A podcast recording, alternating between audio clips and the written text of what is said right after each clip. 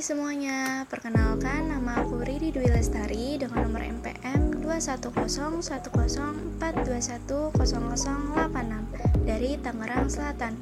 Di episode kali ini, aku mau ceritain sedikit pengalamanku saat SMUP D4.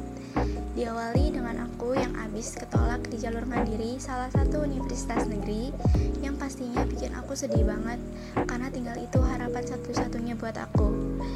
Tapi karena aku gak mau berlarut-larut dalam kesedihan, malamnya aku coba cari lagi pendaftaran yang masih buka dan ketemulah sama SMUP D4. Aku kepoin tuh jurusan-jurusan yang ada di D4 dan aku tertarik banget sama satu jurusan yang bernama Manajemen Produksi Media. Aku cobalah daftar SMUP D4 dan belajar dari video-video yang ada di YouTube.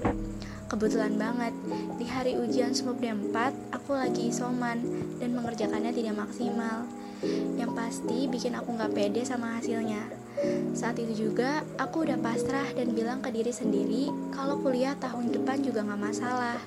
Tapi ternyata di hari pengumuman aku dapat kabar baik, yaitu keterima di manajemen produksi media. Nah, kira-kira segitu cerita SMUP D4 yang aku lalui. Terima kasih sudah meluangkan waktu untuk mendengarkan episode kali ini. See you di episode berikutnya. Bye bye.